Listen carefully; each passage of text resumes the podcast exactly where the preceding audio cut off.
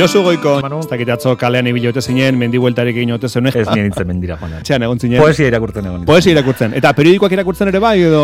Periodikoak irakurtzen ere bai, bueno, or, azken aldian digitalen ez dakitzuk eh, nola irakurtzen dituz. Nik oren, ni eskola zarrekoa naiz. Ni Aha. paperezko egunkeriak erosten ditut. Eta lehen horretik, ala, Lehen irakutik hasi azte zara, atzeko zaurrera. Begira, lehendabiziko lehendabiziko horria irakurtzen dut, portada irakurtzen dut, baina gero arnazgune bat behar izaten dut eta atzeko horrira joaten naiz. eta gero jazten ez ja, bigarrena, hirugarren horri aldea, laugarrena. Ba, da, ba, niko ohitura neukan, eta oraindik ere badut, eh, sarritan atzeko zaurrera. azte atzeko zaurrera. irakurtzekoa, le- zera. Eta gaur liburu baten entresaka, ba, horrela egingo dut, atzeko zaurrera. Ah, begira. Itxaro bordaren orain liburua ekarri dut gaurko, mila bederatzerun da largoita mazortzien, e, Susa argitaletxearekin batera atera zuen bordak liburu hau, egilo parua dugu, eh, idazle hau, esango nuke, oragarrekoa dela uste dut, esango nuke urtero, ia utxik egin gabe atera duela liburu bat. De la poesia, de la novela, de la narrazioa, eh, denetarik idazten du e, Itxaro bordak. Nola da be detektibea, Amaia Espeldoi. Amaia ez? Espeldoi, ez da, eta horrekin zazpi edo novela edo idatzi ditu. Bueno, e, gaurko liburu hau, eguna bezala, ilun xamarra da manu, Hmm? Bilaketa bat ere bada, denboraren jitoan, denboraren joanean egindako bilaketa bat, erbestean, barneko erbeste batean egindako bilaketa, eriotzaren itzalpean egindako bilaketa, hitz neurtuetan eta prosa poetikoan zehar egindako bilaketa ere bai. Bueno, horregatik pentsatu dut atzeko zaurrera egingo dudala irakurketa. Eh? Liburua argi izpi batzuekin hasi bai, baina iluntzen dualako, purka Vale. purka. Eta nik ilunetik argira, Argira. egingo dut. Ibilbidea, Bai? Vale. Bueno, aztelena dalako. Bai. bueno, barkatuko dit e, be- bordak, baina poeta bikaina izateaz gain, e, idazle, ez, badakit ez dela hitz egokiena, eh? idazle barrokoa ere iruditzen zait. Eta ez diot hau ba, hegoaldeko begi kondescendiente, ez, haren iparraldeko euskararen e, kutsu nabariagatik, ez horretik, ez? Baizik eta benetan darabilelako poeta honek hizkuntza nahieran. Eh, haren aukera guztiak, hizkuntzaren aukera guztiak baliatzen ditu, eta irakurlea une oro desafiatzen du. Bueno, ba, atzeko zaurrerako irakurketa Vale. honetan, eriotzarekin hasiko gara. Ilunetik argira joango zara. Hori. Vale. Zer da bizitza, eriotzarako bidea ez ezik, eta zer eriotza, bizitza oso baten ondorena baizik. E, poema honetan, poetak bidaia bat egiten du. Demagun, Ameriketako Deep Northera ala aipatzen du. Deep North, ipar sakonera. eh?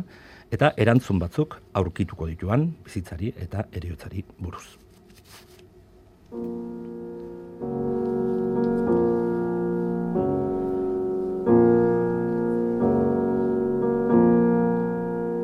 Bizitzea hain zuzen, gure gisa ies zebilen, giar sendoak ustuz, ezurrak erraustuz, eta atzoko ipuinen zainak emekiro xurgatuz. Eguneroko ikusaldietan bizitzea hain zuzen, begiratu, goxatu, maitatu, lagundu nahiko genuen erioaren joria, joria ordea isuri arrapakaitza zen. Irria neke zitzaigun, ahotsa. Hots- Otsail arratsaldeetako euri uharrak indartsuegiak bide ziren. Deep North honetako aranetan barna, amoreman desirak gidatzen gintuen. Bapatean, hilkorrak ginela onartu genuen, bizitzearen sabeleko altzo berdinean generaman eriotz muskila eta alderantziz.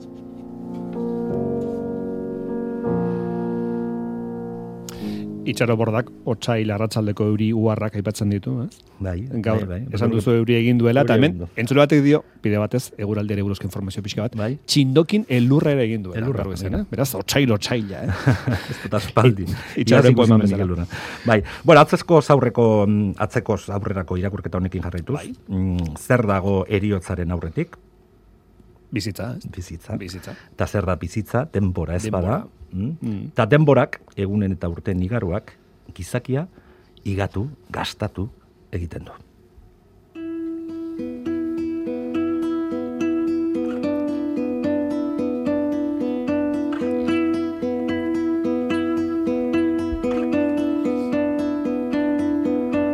Urtetik urtera jendearen urratsak segurtasuna galtzen du, urzipoa edo harriko eskorra aski litzateke bidean aurlenaren behaz topatzeko. Gorputz konkorrek aizearen buako azkarrei oldartzeko, lehen baino neke gehiago dute. Eskuak, aragiaz usturik bezala, ez dira amets ieslarien harrapatzera heltzen. Irriak, dolorea ziminokatzen du, eta semealabak daroazkien bakardeadearen mi erdoiak minaren zirikari bihurtzen zaizkia. Urtetik urtera munduaren igamena. Anartean kasik sortzen ikusi dugun aurra sopeltz xotilaren bulkadaz ekakit, ekakit errepikatzen ari zaigu. Nola jakingo du bada urterik urtera doala munduaren igamena. Lurraren azal lehorraren antzera, bere oantze bustira biltzen den erreka unatuaren pare, ertsatzen da behialako mundua. Bizkitartean ibai lodiek, beren edadura gosetiaz orografia guzia, irensten darraite.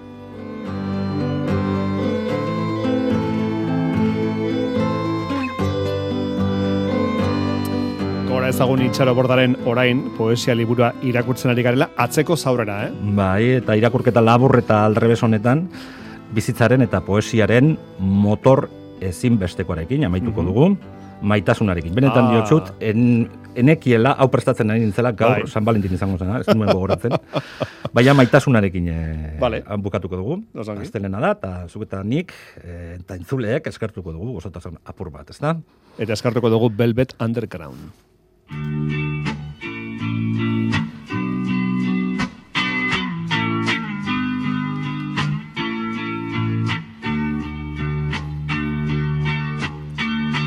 Hango bortu gainetarik, altxatzean egoatxak, beldurraren zainetarik, airatzen dira urratsak. Ez dakit erranen dudan, nolatan maite zaitudan. Behar grina bedi lerra, lo hiletik gau otzera, zure so beltzen ederra joan dakidan bihotzera. Ez dakit erranen dudan, nolatan maite zaitudan. Hauts eztiaren zaparta, hitz arruntaren kalaka, suak bultzatu du barda, mintzo ausarten balaka.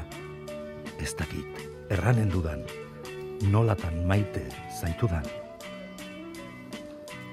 Lurrutxetik begiraino, amets hotxa dut ekarri, bihotzonen egiraino, zazpi musuz bake jarri. Ez dakit, erranen dudan, nolatan maite zaitudan.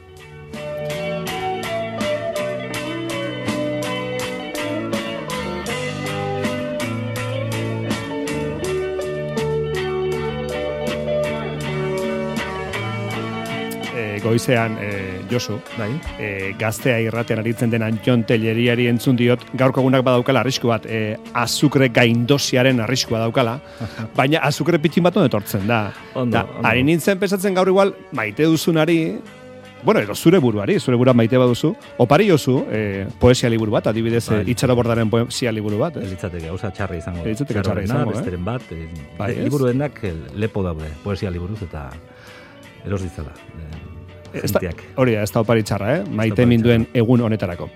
Josu, aztena pasa. Bardin, Agur, Josu. Aio.